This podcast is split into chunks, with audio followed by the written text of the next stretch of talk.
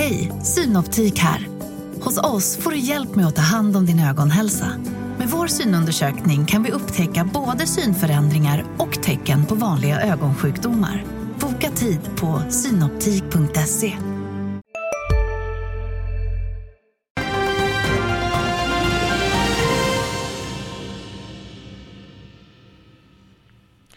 Det är en snöig måndag när vi inleder en tung centralbanksvecka och den veckan inleder vi med nedgångar i Asien och en fullproppad studio. Det är den 12 december du tittar på Börsmorgon.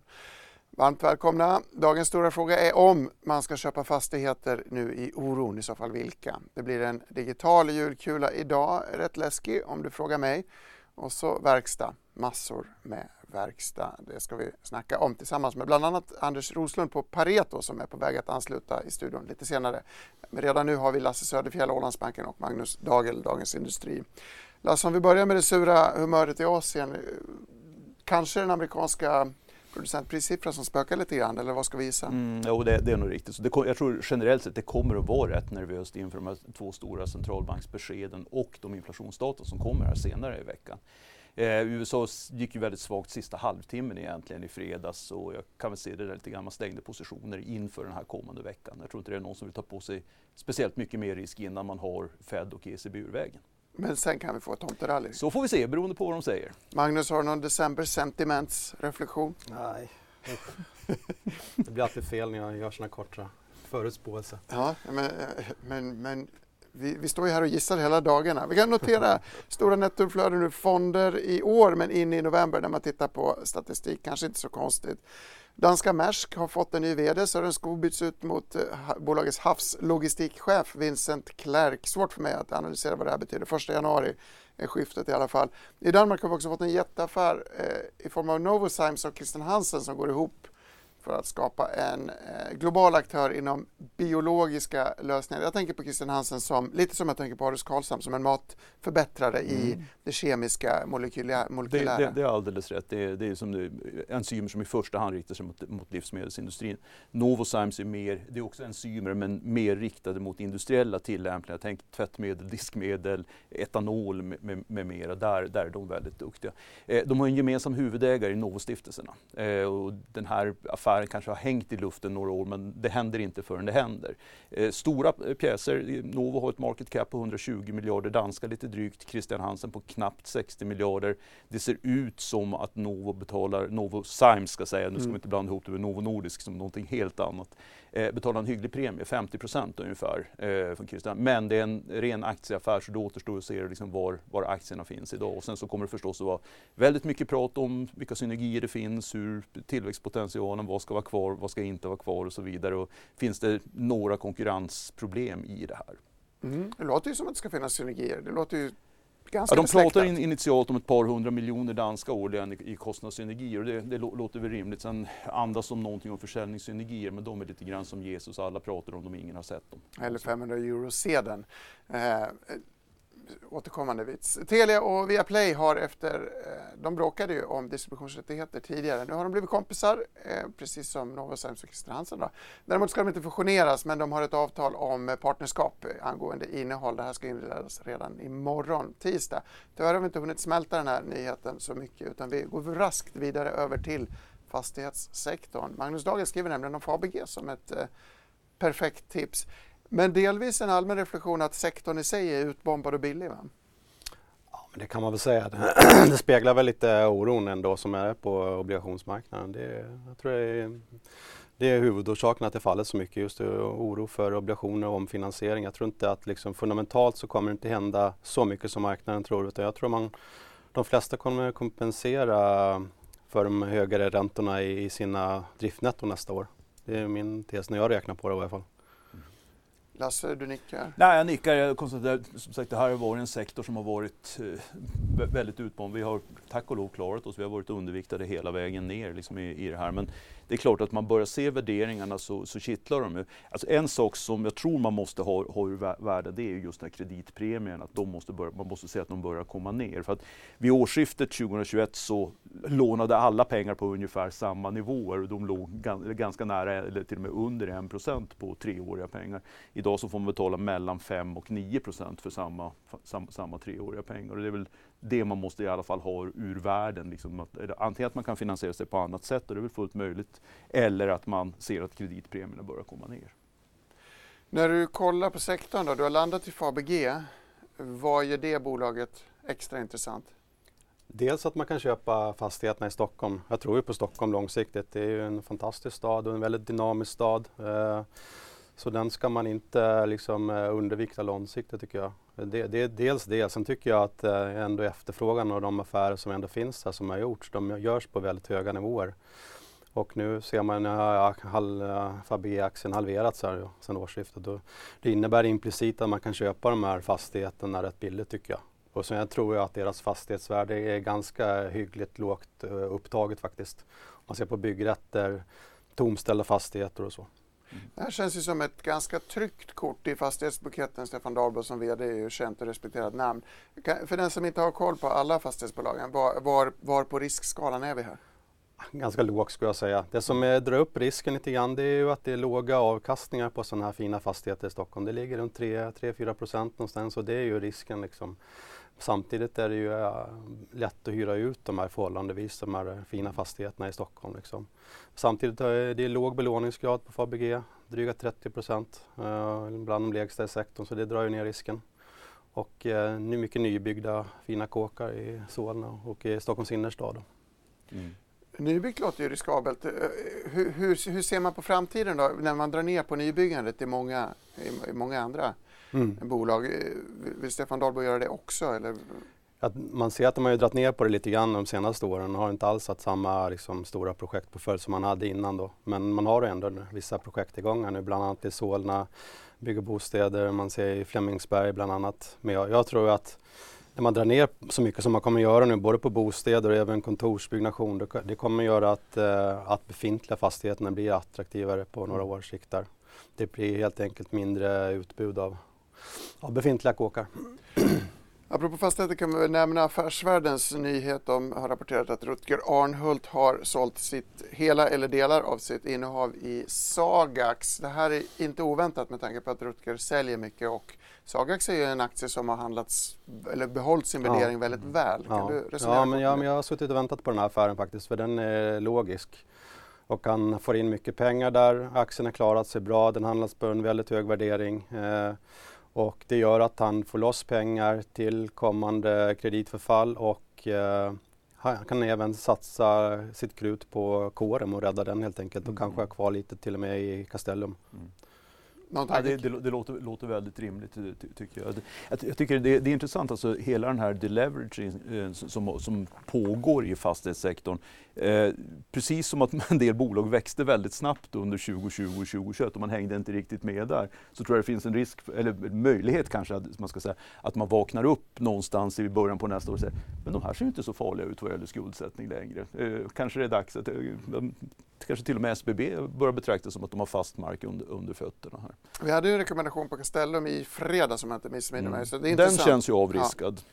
Ja. väldigt avriskad. Frågan är Sagax då. Sagax är ju fortfarande dyr men nu när överhängsrisken är borta så känns ju David Mindus fastighetsbygge som ett väldigt tryggt kort. Ja, fundamentalt är det så. De har ju väldigt lång räntebindning. De har ju väldigt mycket obligationer. De är den som har mest obligationer på alla utestående. Men mm. samtidigt har de ju, har de förlängt det, alltså kreditbindningstiden på de här till väldigt, väldigt långt bort. Så det är inga förfall i närtid. Så det gör ju risken rätt så, så, låg. Dessutom har en väldigt hög avkastning i beståndet då. Så väldigt bra spread mot räntan. Ja. Men som du säger, man får ganska bra betalt för den ja, stabiliteten. verkligen. Också, det är väldigt hög värdering på den här. Det är högst i hela sektorn. Mm. Fastighetssektorns Atlas Copco, nej nu vet ja. jag inte. Det ska nog eh, David Mindus bli glad om. Man... Ja, om man så. ja, tråkigt att David Mindus inte ger några intervjuer Mm, med oss i, i TV. Ja, apropå fastigheter så går vi vidare till räntor. Lasse nämnde ju att det här var den stora grinchen kanske inför julfirandet. Tung centralbanksvecka. Vi har Fed på onsdag, sen har vi Bank of England, vi har Schweiz, vi har Norge på torsdag bland, bland mycket annat. Eh, vi ska bara beröra detta väldigt kort. Jag vill nämna att Micke Wilenius skriver om det här i dagens DI och han har den klassiska kroppslängdsuppställningen där vi ser hur längre Fed-chefer eh, haft en historik av högre eh, ränteläge med Janet Yellen som en naturlig botten. En eh, lustig anekdot kan tyckas. Någon eh, kort räntespaning Lasse innan vi går vidare. Men alltså det, det, jag tror det- dels en 50 punkters höjning från Fed väldigt, väldigt väntat. Allt annat skulle vi ku- kunna ge årets räntechock faktiskt om de gick till 75 eller 25. Liksom så här, jag tror 50 är väldigt inpenslat just nu. Eh, det alla kommer att titta på, även jag, det är dotplotten och inte bara så säga vilken nivå man har på den utan om den går ihop lite grann för att man har en väldigt stor spread just nu i den. Det finns eh, så oerhört skilda meningar inom Fed eh, om var, var styrräntan ska toppa. Men man skulle vilja få ihop det till ett läge 5, 5,25 där de flesta ligger nu. Eh, och marknaden verkar prisa in så att man kan parkera centralbanken och börja fokusera på konjunkturen istället. Väldigt intressant spaning. Då skulle vi få riktning istället för Exakt. Eh, Ja, hoppas på riktning inför jul. Eh, Janet Yellen, nyss nämnda, sa faktiskt i en uppmärksammad CBS-intervju igår, tror jag att det var, 60 minutes på söndagen, att hon räknade med en substantiell nedgång i inflationen nästa år förutsatt att det inte kommer några nya chocker. Det, Så, så lär det nog bli. Men tittar man, varuinflationen åtminstone kommer att falla ga- ganska rejält. Eh, det är bara att titta på nästan vilken råvara som helst. Frack, du kan titta på stål, frakter, sågade trävaror, you name it, så, så ser du att det är ga- ganska rejäla nedgångar. Eh, däremot är det tjänsteinflationen som är mer så säga, seg på det sättet i och med att man har en ganska hygglig löneuppgång. Eh, man såg i senaste sysselsättningsrapporten löneökningar på f- eh, 5 plus. Och det är klart att det här äter sig in just i tjänstesektorn på, ett- på ett annat sätt. I USA ja. I USA. Mm, inte här. Nej, inte här. Nej. Precis. Det är en väldigt intressant observation att vi kan få två väldigt skilda eh, Mm. dynamiker. Och Det det, finns ju inget tryck uppåt i lönerna. Nej, det är väldigt, väldigt måttligt åtminstone. Liksom, man har gjort, gjort avtal på, på liksom bra och ansvarstagande nivåer om man, Mm. man får uttrycka det så. mm. Det blir intressant om man kan få inflation utan liksom ett lönetryck uppåt. Mm. ja, då kan man också bli av med den, får, får, får vi väl hoppas. Ja. Om den inte har satt sig och om inte lönetrycket kommer sen. Ursäkta min eviga pessimism. Eh, vi byter till ett trevligt ämne, nämligen DIs julkula som ju är hälsningar ifrån våra vänner på marknaden varje vardag här i december. Dagens eh, epos är skapat av SCB som dock tagit lite hjälp av artificiell intelligens. Titta och njut. The stock markets are buzzing. It's the start of Christmas Day. It's time to look at your portfolio and decide what to play. Will you double down on tech stocks or just pick some blue chips? Or go for something more exotic like foreign currency swaps? This is the season for trading, so don't be too slow. For now is the chance to make money that will surely grow. So take a deep breath and get ready for some exciting fun. And let Santa bring you fortune when markets close at 1. Ja, det är alltså Johan Javeus på SCB som vi ska tacka för detta. Han har inte skrivit dikten själv utan han har använt OpenAI som ni kanske sett trendar på Twitter och bett eh, den artificiella intelligensen att skriva en juldikt. Och för att lägga en ytterligare digital dimension på det här så är det alltså en illustrerad talsyntes, alltså en robot som läser upp. Eh, Min första tanke är ju att eh, journalister snart kommer att bli arbetslösa. Jag vet att programmerare, en programmerarbekant till mig berättade att man kunde göra två veckors kodning på några sekunder med den här OpenAI. Jag vet inte, ni är inte förberedda på den här frågan, men har ni någon artificiell intelligens-reflektion? Jag tycker i alla fall att det är omtumlande. Ja, men visst, visst, visst är det det. Men, men samtidigt, liksom, du har pratat AI på förvaltarsidan i ganska många år nu än, än är inte alla förvaltare döda. Och det gläder vi oss åt. Många förvaltare kommer att behöva köpa Porsche eftersom bilen är på väg in i DAX, det tyska, den tyska börsens finrum. Magnus, du har skrivit eh, om det här i fredags. Plattan i mattan för P911 är det tickerkoden. Ja. va? Eh, Varför har det gått så här bra? Därför att eh, många vill säga att de är Porsche-ägare och eh, det finns få utestående aktier till salu. Då blir det en eh, short squeeze helt enkelt. Den kostar 100 euro jämfört med vad bi- bilen kostar. En, en multipel på det. Ja, Lätt, lättare den, att bli eh, Porsche-ägare. Den handlas ju 94 gånger eh, snittvärderingen i eh, bilsektorn för traditionellt tillverkare.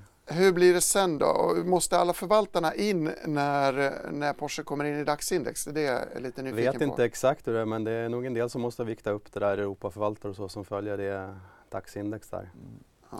Så samtidigt så Porsche handlas på EV-EBIT 12 på, på näst, nästa år. Det är liksom en ganska stabil affär. Så det är mer tycker jag, en fundering hur Volkswagen värderas som ändå är majoritetsägare i Porsche. Porsches börsvärde är liksom, det är ju, motsvarar ju Volkswagens. Eh, ja, alltså, deras tittar man på det som är kvar i ja. Volkswagen så Stubben värderas till är... 120 eh, miljarder ungefär. Och de, den rörelsen väntas göra en vinst på runt 170 miljarder. Precis. Så det är under, uh, under ett, en gånger vinsten. Det är låga P tal Låga P tal som det ska vara när man pratar tyska bilar. Det är väl traditionen. Ja. Traditionen bjuder också att vi går en sväng till Studio 2 nu när klockan har slagit nio. Det är dags för börsöppning och Sofia Hårdänge.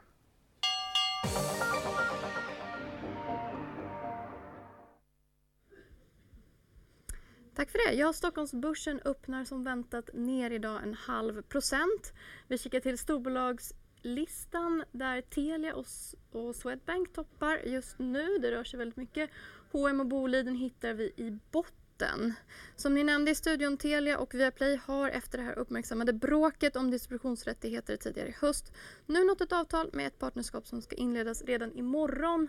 Inga större rörelser i aktierna där. Telia handlas i sidled via Play upp 1,5 procent. Skistar höjer arvodet för ordförande och ledamöter med omkring 20 procent. Nämnde vi lite i morse här. Skistar handlas idag exklusiv utdelning på 3 kronor per aktie. Skistars aktie handlas ner 3 och ja, eh, fastighetsprofilen Rutger Arnhult har sålt hela eller en stor del av sitt innehav i fastighetsbolaget Sagax som ni nämnde enligt källor till Affärsvärlden. Aktien handlas ner 1. Fastighetsbolaget Fabege som är veckans aktie handlas upp rätt så kraftigt, 3,5 procent. Kredithanteringsbolaget Intrum hade ju en tumulttid förra veckan. Nu har bolagets tillförordnade VD Andres Rubio köpt aktier för 1,2 miljoner kronor. Aktien handlas nu svagt upp en halv procent. BMO Capital Markets sänker rekommendationen på Lundin Mining till Market Perform från Outperform. Aktien handlas ner 1,5 procent. Vi kikar till några andra riktkurser när vi ändå är igång. Citigroup sänker riktkursen för H&M från 95 till 70 kronor per aktie. Rekommendationen sälj upprepas och som vi ser så är H&M ner nästan 2 procent. Citigroup sänker riktkursen för Hemnet från 145 till 143 kronor per aktie. Rekommendationen neutral upprepas och aktien sjunker svagt en halv procent. Carnegie höjer riktkursen för Bond Support från 110 till 115 kronor per aktie. Rekommendationen köp upprepas. Aktien handlas upp 1,5 procent. Och så avslutar vi med Ericsson. Kepler Chevrolet höjer riktkursen till 80 kronor från 75. Rekommendation behåll upprepas. Aktien saknar ner 1% idag. Men som sagt en öppning neråt idag denna måndag på Stockholmsbörsen.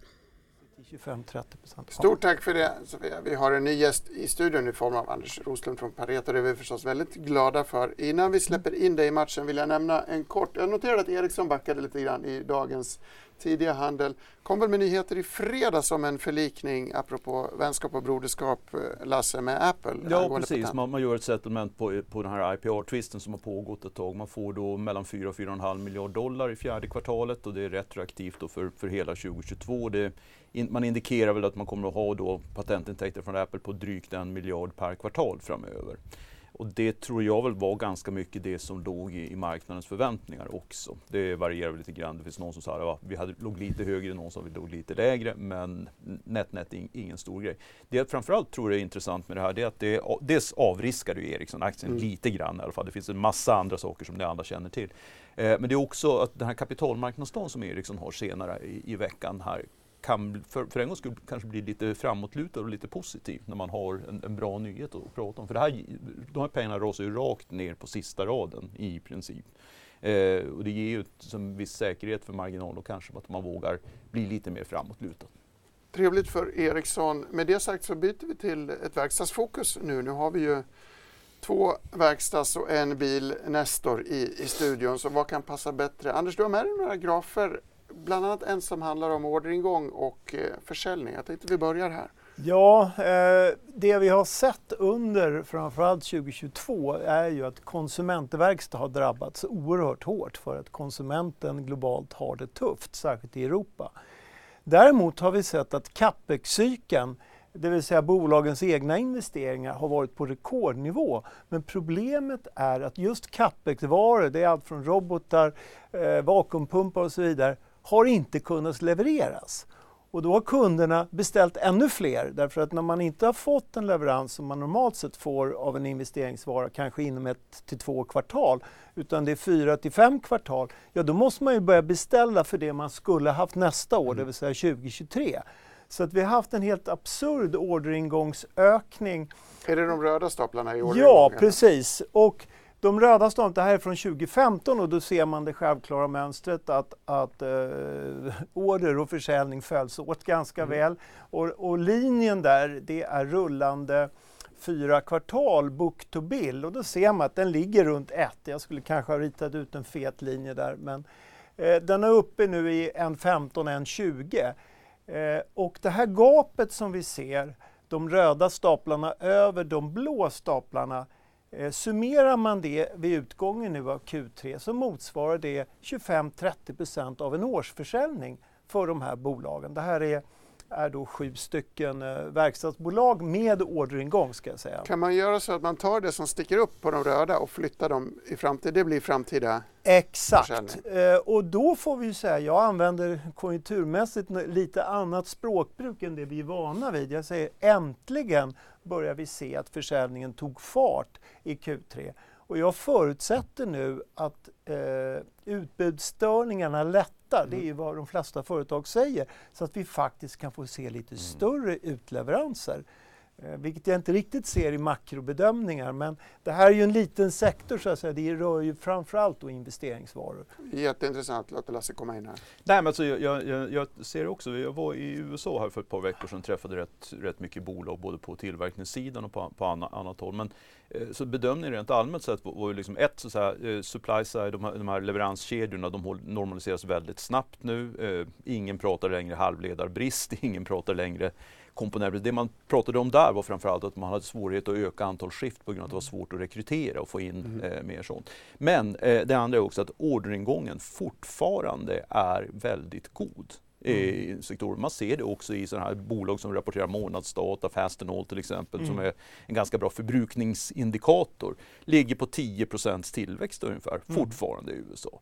Eh, jag träffade både Volvo och andra lastbilstillverkare där borta. De är också så optimistiska inför 20, 2023. Däremot så säger man väl att vi får väl se hur det ser ut 2024. 2023 skyddas väldigt mycket av orderböckerna men det finns, kristallkulan är fortfarande ganska grumlig vad det gäller orderingången under 2023. Men sammanfattningsvis, vi har en konsumentskräck som inte jo. syns i verkstaden, för där Nej. beställs det Och det syns inte i hårda data liksom än. Om du tittar på orderingången i USA och Tyskland i hårda siffror, liksom så här, ligger på väldigt höga nivåer.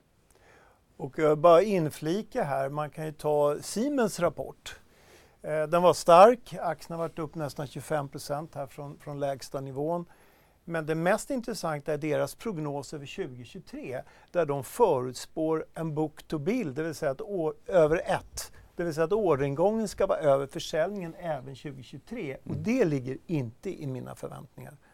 Vi går vidare till nästa bild. Vi har tre bilder på samma tema, Anders. Mm. Eh, den andra har du helt enkelt dragit av orderingång från försäljning. Ja, precis. Versa, och då ser man Ja, det vi var inne på tidigare. Goda nyheter. 25-30% av en årsförsäljning. Det är inte så att hela det här ordergapet levereras 2023. Det kan vara en del som kommer, eller vi vet att en stor del av orderingång också kommer levereras 24. Hur stor är risken att de här orderingångarna avbryts då? Det måste ju, om vi går in i ett svagare konjunktur, om man ska vara orolig för ett, ett dåligt scenario, mm. då måste man väl kunna ringa och säga att den där ordern, vi glömmer den. Jag skulle säga att det står högst uppe på agendan idag hos alla företag ja. jag pratar med. Och där är det ju så att de order som kom för ett år sedan, de kanske är lite mjukare idag. Men det som har överraskat är det Lasse mm. varit inne på, det är att orderingången har fortsatt vara stark i Q2, Q3 och nu i Q4. Och där har jag en del tankar kring det, varför det är på det viset. Vill du komma in här Magnus i orderingång eller? Ja, men jag är ingen expert på det där men det är ju ganska intressant att man kanske ser en, liksom en tudelad mm. liksom, lågkonjunktur mm. liksom, kommande året här att det, det är en stark industrikonjunktur fast en svag konsumentkonjunktur. Så det, det är ju väldigt mycket snack om att det kommer bli en väldigt hård lågkonjunktur här. Att politiker varnar så men liksom i, för industribolag och kanske så ser man inte riktigt det kanske utan det blir en, mer en kanske lågkonjunktur, eh, konsumentlågkonjunktur som är kanske lika jobbig det men eh, tudelad. ska man vara riktigt mörk så kan man ju ta Lasses reflektion om att man fortfarande har problem med rekrytering för mm. att uh, bemanna skiften och att vi då lever med ett inflationstryck som letar sig lite längre in mm. än vad man kanske skulle mm. vilja. Ja, men det, det, tycker jag, men ändå, inflationen är ju ändå liksom en funktion av att det är hög efterfrågan. Det tycker jag inte man läser så mycket om, men det, så är det. Ja, det finns ju pricing power. Det, och det, det är liksom, så tre positiva faktorer för, för nästa år, för 2023, så är det ju så här. Dels orderböckerna eh, mm. och att orderingången fortfarande är relativt bra. Det kommer att skydda en bit in på nästa år. Sen har vi eh, pris, prishöjningar som har genomförts mm. under 2022, så där man går in i 2023 på en betydligt högre nivå. Samtidigt som många av råvarupriserna kommer ner. Titta, titta på stål, titta på frakter, titta på mm. de, de, faktorerna. Så att de bolag som har lite mer, vad ska vi kalla det för, sticky pricing, ta till exempel Assa Abloy som mm. historiskt sett tror jag aldrig har sänkt priserna no någonsin mm. i det fallet. Eh, priserna stabila, råvar, råvarupriserna kommer ner. Det borde finnas förutsättningar för en hy hygglig marginalutveckling. Och det, jag vet inte vad du tror om det Anders, men, men just det här med operationell hävstång som det har varit lite mm. klent med under 2022, finns det väl förutsättningar för att det skulle kunna bli bättre under 2023 nu när man kommer ikapp? Det är ju flera faktorer där vi ser att metallpriserna har pikat, fraktpriserna har pikat, eh, energipriserna går lite fram och tillbaka. Men sammanvägt så finns det väldigt stora möjligheter att faktiskt marginalerna blir bättre de närmaste kvartalen. Och inte minst tack vare att uh, utbudsstörningarna minskar. Mm. Därför att utbudsstörningarna är det som har kostat företagen väldigt mycket. Mm. Vi måste, jag vill nämna lageruppbyggnad som en eh, svårt att förstå tycker jag, men som ett möjligt problem här. Mm. Man har tagit i och beställt extra mycket grejer. Ja. Kan inte det vara en dämpande faktor sen då när man står där med fulla lager? Ja, normalt sett så, så är man ju rädd för stora lager men här ser jag lite annorlunda. Att, att jag vill se att man börjar tömma lagren nu därför att vi har onormalt höga eh, sysselsatt kapitalbindning av försäljningen. Så att vi måste komma ner. SKF binder 36 procent eh, sysselsatt kapital. De ska komma ner till 25. 10 procent är nästan 10 miljarder av, av deras... Det är stora pengar vi pratar om. Så att jag vill se att lagen kommer ner, produktionen ökar och vi får en normalisering. Mm. Nej men så, så är det. Jag, jag, just den reflektionen fick jag också från några amerikanska bolag som vi träffade och sa lite skämtsamt att vi, vi, we're going from just in case back to more of just in time. Att man behöver, behöver kanske inte de här extrema buffertlagren som man har haft längre. Och det är klart att det kommer att slå på underleverantörsled, det kommer att slå på tillverkare och förbrukningsvaror och, och så vidare i, under den här processen. Och den brukar ju normalt ta några månader eh, mm. för att göra sig av med. Så att, men samtidigt, vi har uppenbarligen inlett den, den, den processen just nu, bara att mm. titta på data som kommer. Och den brukar ta, så kanske klar någon, någon gång i slutet på första kvartalet. Eh, och i det läget så kanske man ser att de här ledande indikatorerna, PMI också, som har varit väldigt svaga, inte minst på orderingångssidan och inte minst i Europa, att de börjar bottna ur och vända uppåt. Om vi då, om man ska rita ett bullscenario för sektorn, om vi då ser att räntorna faller tillbaks lite grann, vi kan parkera centralbanken och så börjar vi se gröna skott med förbättrade för, förbättrade eh, PMI och vi ser samtidigt att mm. marginalen håller uppe väl. Liksom. Då kanske analytikerna inte ligger för högt med prognosen som alla tror, utan de kanske ligger för lågt. Roligt att du nämner PMI. Jag tänker vi har några PMI-grafer. Vi börjar med PMI i USA, alltså däremot inte PMI utan ISM som är samma sak mm. fast med en annan bokstavsförkortning. Här ser vi ett väldigt glapp. Det här är ju extremt intressant. Vi har alltså inköpschefsindex i svart väl, pessimistiskt. Stämmer. Precis som konsumenterna så är inköpscheferna påverkade mm. av vad de läser i media. Eh, och precis som Anders beskrev så går ju saker rätt bra, vilket illustreras av den gröna linjen. Det är relativ performance då för de nordiska eh, verkstadsbolagen som, som, som, är den gröna sektorn. Så när, när den pekar uppåt så går det bättre än, än, än index. Men det är ju en ganska, ganska stark korrelation. Hej, Ulf Kristersson här. På många sätt är det en mörk tid vi lever i. Men nu tar vi ett stort steg för att göra Sverige till en tryggare och säkrare plats. Sverige är nu medlem i Nato. En för alla, alla för en. Vi är specialister på det vi gör, precis som du. Därför försäkrar vi på Swedea bara småföretag, som ditt. För oss är små företag alltid större än stora och vår företagsförsäkring anpassar sig helt efter firmans förutsättningar. Gå in på swedea.se företag och jämför själv. Över tid onekligen, det brukar inte vara så komplicerat. Eh, och jag funderar också lite grann över den här, att vad är det placerarna ser, vad är det som, som inte så att säga, inköpscheferna mm. ser, ser i den här. Eh, men det kan ju vara ju, just den här uh, förändringen liksom, som, som man ser, att, att man ändå liksom, så att skyddas ganska bra av mm. orderingången, så att någonstans i nästa år så vänder det här. Eh, mm. Men om, om, man inte ser att den här planar ut inom ett par månader så då kommer man nog få svårt att fortsätta med den här outperformancen tror jag. Egentligen Magnus, det här kanske är en långsökt koppling, men jag tänker på Porsche och uh, cost of living-kris. Vi har en cost of living-kris samtidigt så går Porsche som tåget. På något sätt är det också två helt skilda världar. Eh, som, ja, lite det, långsökt. Det är på aktien. Vet du. Det finns för lite antalet utstående aktier vet du, för efterfrågan. Ja. Det är inte så konstigt det där Men jag vet inte om Porsches försäljning har dykt. Jag tror att den går starkt också. Men ja, det är den håller sig bra. Ja. Ja. Alltså, varenda biltillverkare har väl orderböcker som sträcker sig mm. åtminstone mm. ett år framåt i tiden. Men, men där är, skulle jag också vilja komma in på vilka skäl är det mm. för att förvaltare är så positiva? Det är ju för att givet en viss bilproduktion eller givet en viss eh, global energikonsumtion så kommer vi behöva kraftigt ökade investeringar för att mm. ha samma nivå. Det vill säga skiftet mot elbilar, inte gratis.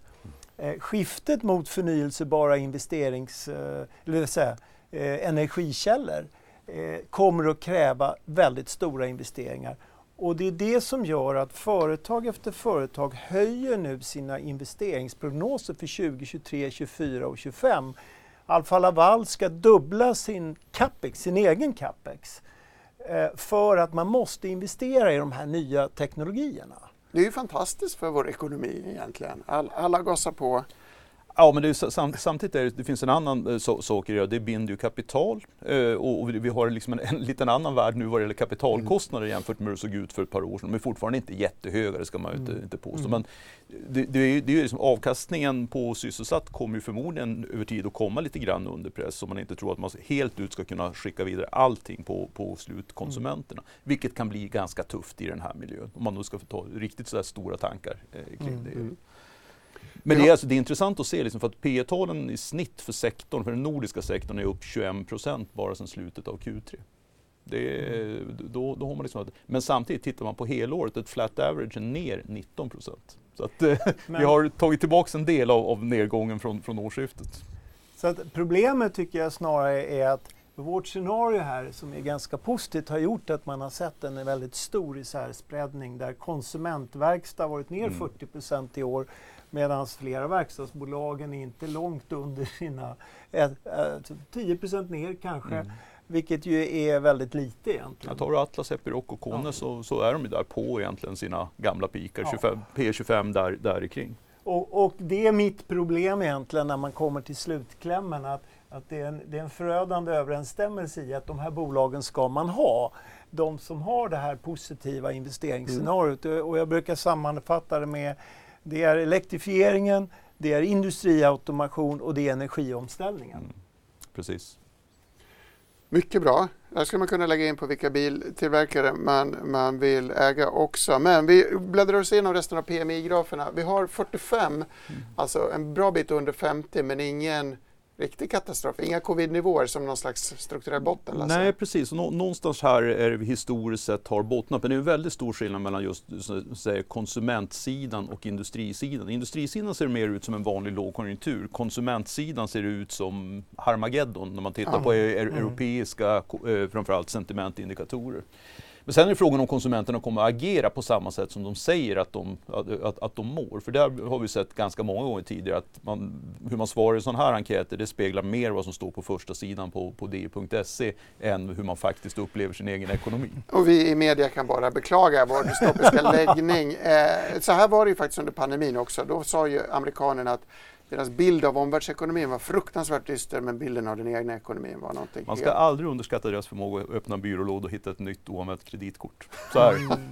men, men faktum är att det, det syns inte i hårda... Den här grafen tog jag med och titta på USAs New Order to Capital Goods här på, på vänstersidan. Det är all time high. All time high. Tittar man på Tyskland till höger, ja ni ser en, en, en, en avmattning på slutet men titta på det här i jämförelse med nivåerna som vi hade innan pandemin. Pandemin är det här djupa hacket, den här ravinen som finns där. Så ligger man fortfarande långt över. Förutom det som Anders är inne på, som är väldigt bra förklaring, så tror jag också att det har lite grann att göra med återindustrialisering av USA och Europa. Någonstans när Evergiven ställde sig på tvären i Suez så började man att tänka och nu börjar det här kanske synas. Plus att man ska inte underskatta att inte minst i USA så är det väldigt stora finansiella, eh, finanspolitiska stimulanser som kommer igenom. Man har Infrastructure Act, man har Inflation Reduction Act, detta obegripliga namn på detta fina paket, och sen Chips Act. Det här är 2000 miljarder dollar i finanspolitisk stimulans. Kan ju ha en viss förklaringsfunktion här också. Då kör vi, här har vi en som du nästan får förklara vad det är vi ser. Alltså, Ja, vad jag svårt. tittar på här egentligen det är nordiska verkstadssektorn. Eh, färgglada kolumner då. Den första är då förändringen som vi har sett under det här kvartalet och det andra är de, eh, ute till höger förändringen under 2022. Men det vi ser här det är att under fjärde kvartalet så har vi haft en kursuppgång på ungefär 22 procent i genomsnitt för sektorn, inte marknadsvägt. Samtidigt så har estimaten stått ungefär stilla plus minus noll och det innebär att P talet har stigit med 21 procent.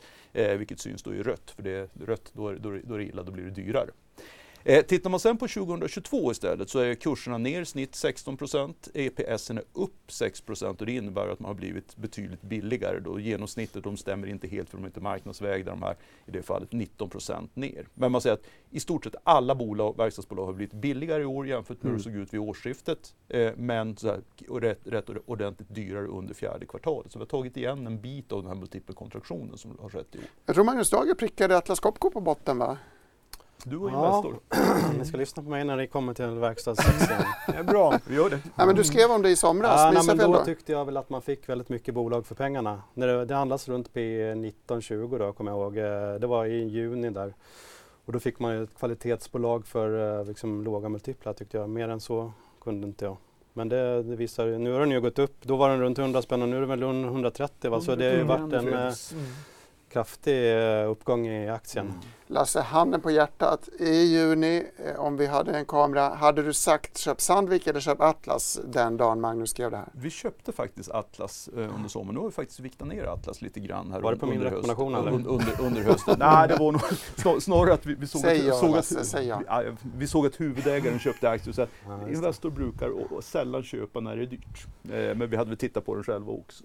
Men, men det, det man ser nu, det som, att, det som Anders är också inne på, Atlas, Epiroc, där börjar det ta emot Mm. värderingsmässigt.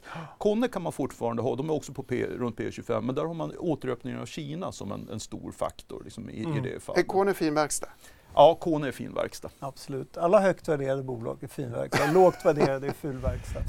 Vi har en bild på fin och ful verkstad för den som inte kan alla. Här har vi Atlas, Alfa, Assa och Epiroc förstås, de kända finverkstäderna. Jag beklagar min Frågan är ju var man sätter Sandvik då som eh, borde vara liksom rent operativt fin verkstad med låga multiplar. Mm. Mm. Nej, men alltså, Sand- Sandvik är ju lite grann i, i mellanskiktet. Den pendlar ju. Ibland så, så tycker man, vissa år tycker man att, att det är bra och an, andra år så tycker man inte det, det, det är Mm. kvaliteter.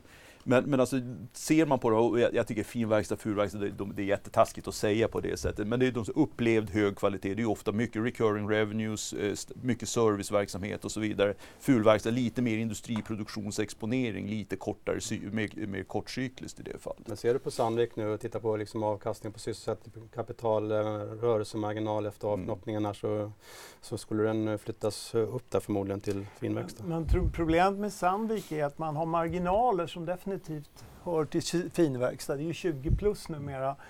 Eh, men man har en del tillväxtproblem i sin huvudbusiness, hårdmetallsidan. Mm. Det är en, en stor diskussion. Vad växer den egentligen med? Mm. Jag tror jag tog med mig en graf på Sandvik som, som visar egentligen vad, vad, vad som driver den, den, den kursen. Eh, Man tittar liksom hur Sandvik handlas mot industrimetaller. Den här brukar jag alltid ta när, när jag tänker this time it's different.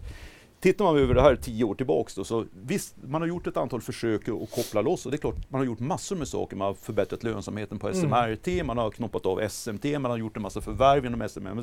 Och tittar man på tioårssikten går fortfarande som, in, som industrimetallerna i svenska kronor. Mm.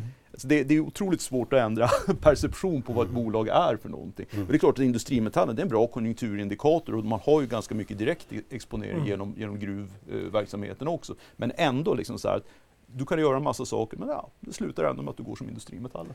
Och sen kan man ju titta på eh, vilka bolag drabbades hårdast 2009 och det var ju Volvo, SKF, Sandvik. Det var ju de som hade väldigt stora lönsamhetsproblem. Mm. Medan de här i finverkstad, i alla fall Atlas och Alfa Laval, höll sig uppe mycket, mycket bättre. Och vad var Atlas lägsta kvartalsmarginal under pandemin? Var det 14 procent eller något sånt där? Ja, det var inte många procentenheter de tappade Nej. 2009 som ju får vara eh, ett av de värsta åren mm. någonsin. Precis. Hörrni, vi ska snacka mer om eh, Volvo, vi ska snacka mer om Atlas, vi ska snacka mer om Kulan alldeles strax. Men först en liten börsuppdatering. Sofia står redo i Studio 2. Ja, det är fortsatt ner på Stockholmsbörsen. Nu ner nära 1% faktiskt. På storbolagsindex så hittar vi Swedbank i toppen upp ja, knappt en halv procent. Annars är det ganska så rött. Vi hittar H&M i botten där efter en sänkt riktkurs från Citigroup. Vi har ju pratat om att eh, Telia Viaplay har lite löst efter det här uppmärksammade bråket om distributionsrättigheterna har nu fått till ett nytt avtal med ett partnerskap som ska inledas redan imorgon. Telias aktie rör sig med nästan ingenting, lika som Viaplay svagt upp där. Skistar handlas idag exklusiv utdelning på 3 kronor per aktie. Skistars aktie handlas nu ner 5 procent. Fastighetsprofilen Rut Granhult har sålt hela eller en stor del av sitt innehav i fastighetsbolaget Sagax enligt källor då till Affärsvärlden. Sagax aktie handlas ner 2% idag. Vi har pratat om veckans aktie. Fabg stiger inte så mycket men 2,5% ändå. Ni har ju pratat om det också i programmet, de här danska bolagen Novozymes och Christian Hansen som går ihop för att skapa en global aktör inom biologiska lösningar. Aktierna går åt olika håll. Novozymes är ner 13% medan Christian Hansen stiger, nu, eller rusar får vi ändå säga, 23% BMO Capital Markets sänker rekommendationen på Lundin Mining till Market Perform från Outperform. Aktien är ner 1 och Eh, Citigroup sänker riktkursen för Hemnet från 145 till 143 kronor per aktie.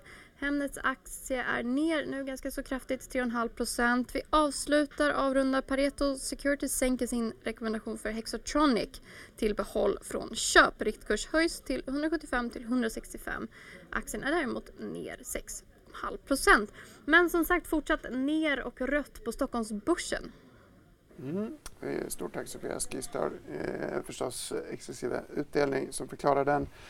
Eh, nedgången kommer snart att få en återhämtning som Lasse var i år i helgen och, eh, och skidade mm. enligt mina källor. Men vi ska prata om verkstad. Vi fortsätter med, vi har en bild på Atlas som vi har varit inne på en hel del. Eh, apropå lustiga samband på börsen, Lasse, så har vi mm. ett till samband identifierat här. Ja, det här är Atlas då mot Philadelphia Semiconductor Index. Och, ja, det är väl 70 procent och Atlas som är andra verksamheter. Men, mm. men det, är, det, är, den här man har handlats på de senaste åren. Ett enormt fokus just på vakuumteknik och orderingången. Och visst, det har varit väldigt starkt mm. under de senaste åren.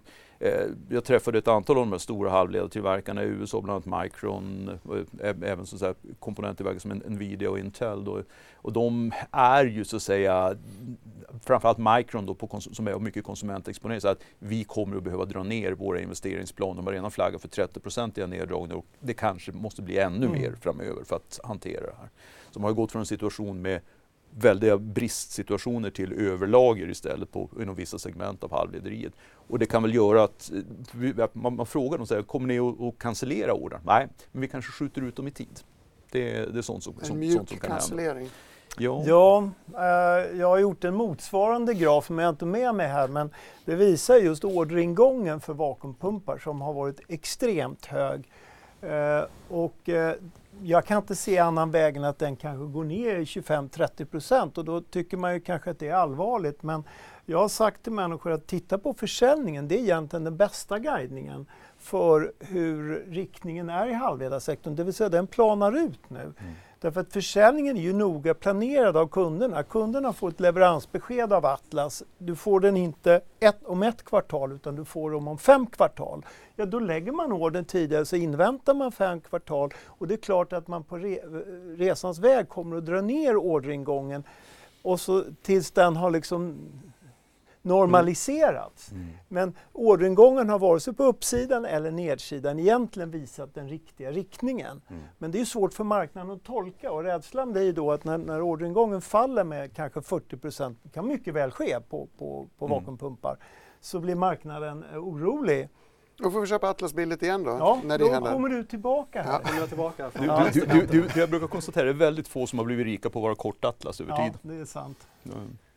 Har Atlas och Sandvik gått ungefär lika i år eller vad, vad gissar Ungefär lika mm. total return. Sandvik något sämre men om man lägger tillbaka utdelningen och avjusterar för A-knoppen så tror jag att det är ganska jämnt skägg mellan mm.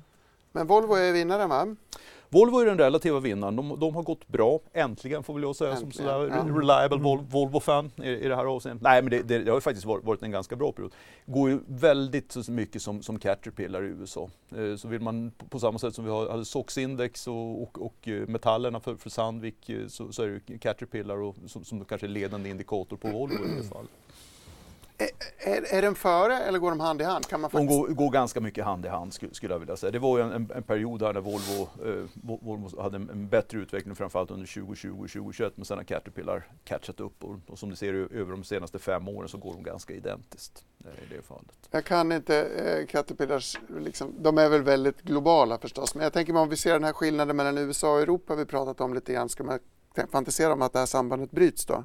Nej, jag, jag, jag, jag, tror, tror man ska se det här, liksom. det, det är i grunden samma, samma bransch, samma industri. Mm. Det som kan få det här att brytas, det är ju faktiskt elektrifieringen. Där jag upplever att Volvo ligger, CAT är ju vad, vad man vad vill säga, det är ju i grunden en tillverkare av förbränningsmotorer. Mm. Eller så att säga av, av, av, av dieseldrivna eh, maskiner. Fast, fast, väldigt stora motorer? Väldigt stora, väldigt stora sådana. Medan Volvo då ligger väldigt långt framme vad det gäller elektrifiering. Och jag hoppas att det kommer att ge resultat här. Det är också en sån där eh, reflektion som att de eh, kunder till Volvo som beställ, gjorde, kom med testorder för något år sedan på 10 la, eh, eldrivna lastbilar. De kommer tillbaka och beställer 50, 60, 70 stycken till. Liksom, så det börjar ta fart på elektrifiering. Intressant. Jag fick samma signaler här i höstas när jag var nere på lastvagnsmässan i Hannover. Volvo ställde inte ut en enda förbränningsmotor där. Det var bara elektrifierat och lite vätgas. Magnus, det här tangerar ju din bilkompetens.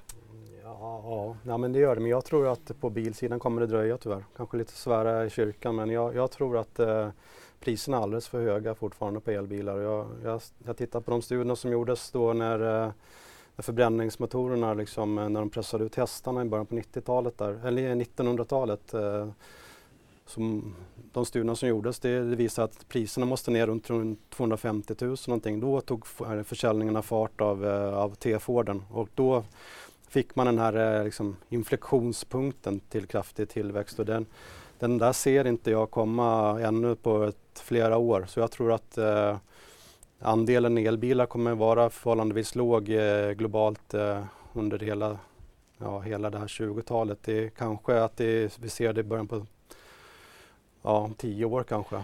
Min eh, reflektion här, den kanske är fel, är ju att det har skett en enorm konstig klyvning på elbilar. Priset på aktierna på elbilstillverkare har varit väldigt höga medan traditionell mm. förbränning har varit låg. Jag undrar om Lasses resonemang leder oss in på en liknande klyvning inom eh, lastbilar en vacker dag? Kanske. Kanske. Kan, kanske, kanske gör det det, liksom, att, man får den premien. Eh, sen tror jag liksom att, att det är... Det, det, jag, jag, tycker, du får inte riktigt betalt för eh, att vara en elbils Eh, personbilstillverkare om du samtidigt har kvar en förbränningsmotorsida. Men Volkswagen är ju jättestora på elbilar men det hjälper ju inte deras multipel speciellt mycket. Eh, Volvo Cars har väl fått det delvis, framförallt nu efter att man har gjort sig av med Orobay, alltså den här förbränningsmotorsidan som, som först ringfensade och sen, sen sålde av. Svårt Medan Tesla, Lucid med flera fortfarande har väldigt så att säga, höga multiplar.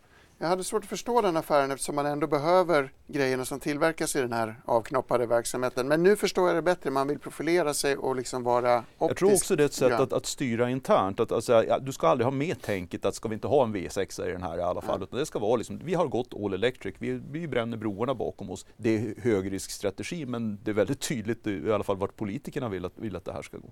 Fast vi, vi ska inte döma ut förbränningsmotorn, Nej, nej, särskilt absolut. inte för tunga applikationer. Absolut inte. Eh, och vi ser, jag tittar ju på Wärtsilä också och eh, för marint bruk så kommer ju inte el vara en framtid utan då blir ju absolut rena förbränningsmotorer.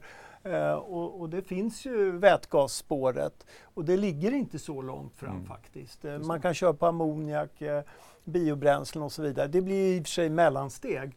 Men definitivt så finns det en framtid för, för förbränningsmotorer.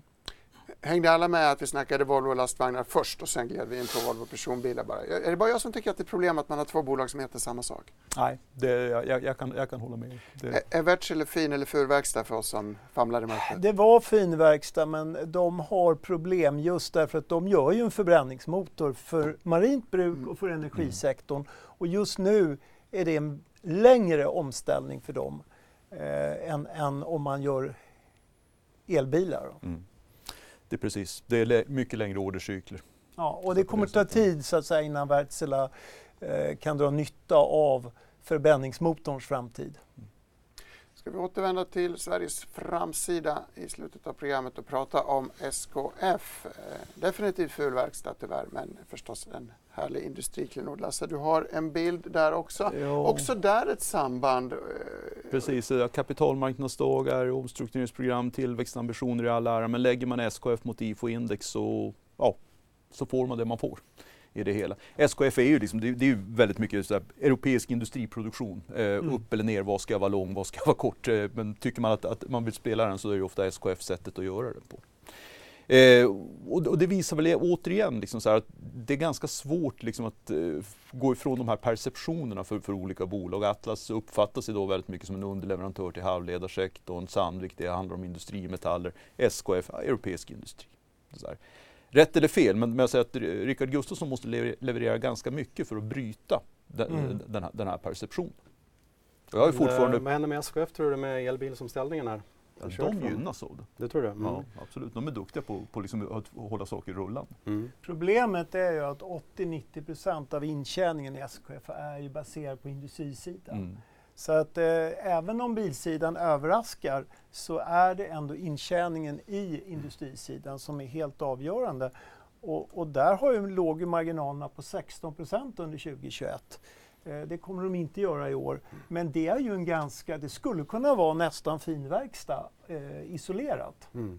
Faktiskt. Men om man ser på elbilar så är det bara det är kan 5 ungefär antalet rörliga delar på, mot en förbränningsbil. Så det, det kommer ju krävas mycket mindre rörliga delar i, eh, om, i, I förbränningsmotorn ja. Ja, alltså hela bilen. Mm. Men där var det ju så att SKF har inte varit ledande på lager till förbränningsmotorer. Det är Nej. tyska Schaeffler. Så att Mm. de har lite tur i oturen så att säga. De är väldigt starka på elbilar och, och kan plötsligt ta sig Mm. in i, i ett le- och vara ledande i ett område där man kanske Mm. var femma, sexa tidigare. Det låter ju väldigt intressant. Vad, vad, vad har du för rek på SKF och vad säger Lasse? sen? Jag, med viss tvekan så, så lät jag dem vara kvar med köp. Jag höjde riktkursen till 190.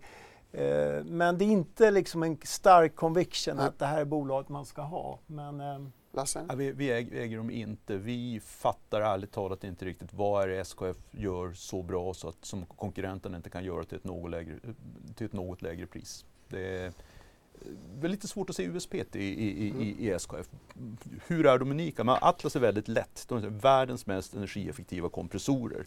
Sandvik, världens bäst, bä, bä, bäst, bä, bästa eh, sådär loaders and haulers på, på, på mining. SKF, ja, de gör bra kullager.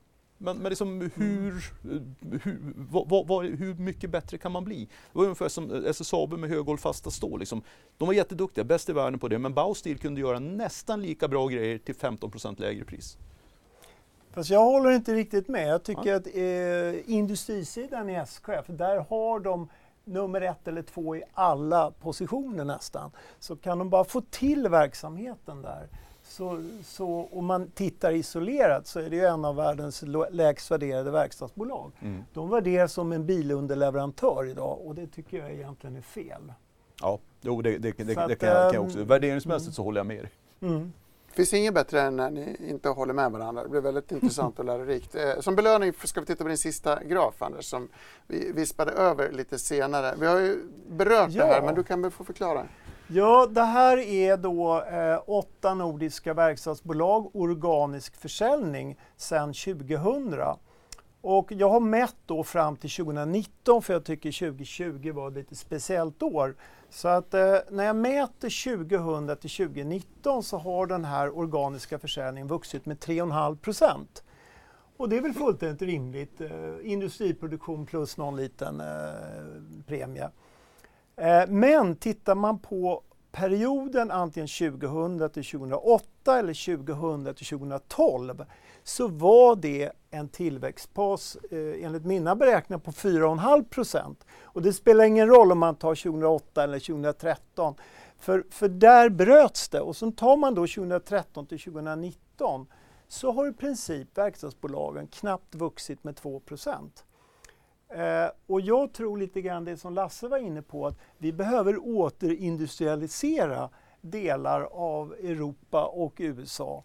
Eh, och att Asien växer, det är ganska självklart. Eh, så att jag tycker inte att vi kommer från speciellt höga nivåer och, och vissa analytiker de utgår från det här 2013 och säger ja men SKF har vuxit 2 mm. procent. Mm. läste jag någon engelsk ja. analytiker så kunde jag örfilat upp honom och sagt att ja, det är inga andra verkstadsbolag som har vuxit snabbare heller. Det är ganska, liksom så här ser det ut, punkt. Lasse, någon reflektion kring detta? Nej, alltså jag, jag tycker, ty, tycker, det stämmer, stämmer rätt bra med den bild som, som jag har. Och det, jag har liksom en försiktigt positiv syn på sektorn inför nästa år också med lite tyngd på, på lågmultipelbolagen, eller med lägre multiplar i, i vår, vår portfölj. Jag har Volvo, eh, Sandvik, Kone, eh, som sagt på återöppningstemat, mm. Metso i Finland, också mining exponering. Och sen så har jag Assa då på pricing power, det är mina fem, fem största övervikter. Så jag är lite underviktad i, i mm. till exempel Epiroc eller de hö, övriga högmultipelbolag. Trelleborg då, som apropå resan till finverkstad, väldigt, väldigt kort. Vad, I vilken korg lägger du den? Eh, de är på väg att glida mer mot kvalitetsverkstad skulle, skulle jag vilja ja. säga. Jag tycker de har gjort bra saker och inte, inte minst liksom när man får stänga Wheel Systems så ty, ty, tycker jag det är som en mm. mer kvalitet. Men Sealing är ju en högmarginalaffär med väldigt stabil försäljning över tiden. Det kommer ju vara den dominanta delen där mm. i trädgården.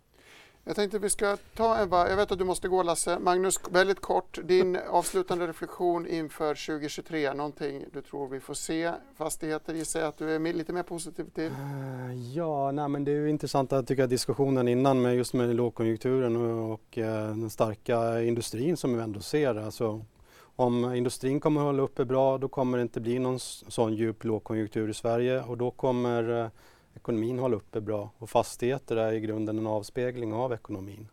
Så går det bra för liksom, Sverige, industrin och ekonomin så kommer det gå bra för fastigheter tror jag. Bra det... för verkstad, bra för fastigheter. ja. Medan Lasse letar sig ut, jag vet att han har en taxi som står och väntar. Mm. Anders så får du uh, bjuda oss på en avslutande framåtblickande reflektion inför 2023.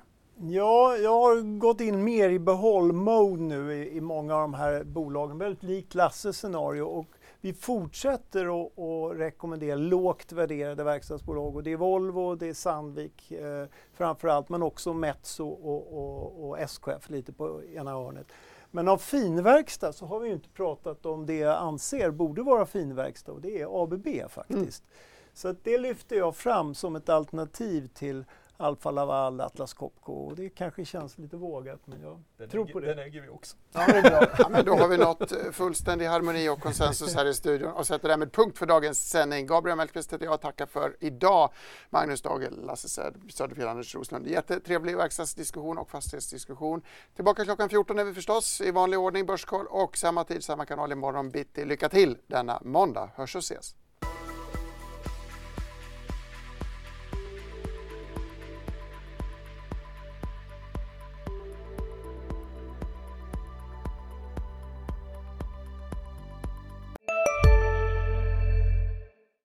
Hej, Susanne Axel här. När du gör som jag och listar dig på en av Krys vårdcentraler får du en fast läkarkontakt som kan din sjukdomshistoria.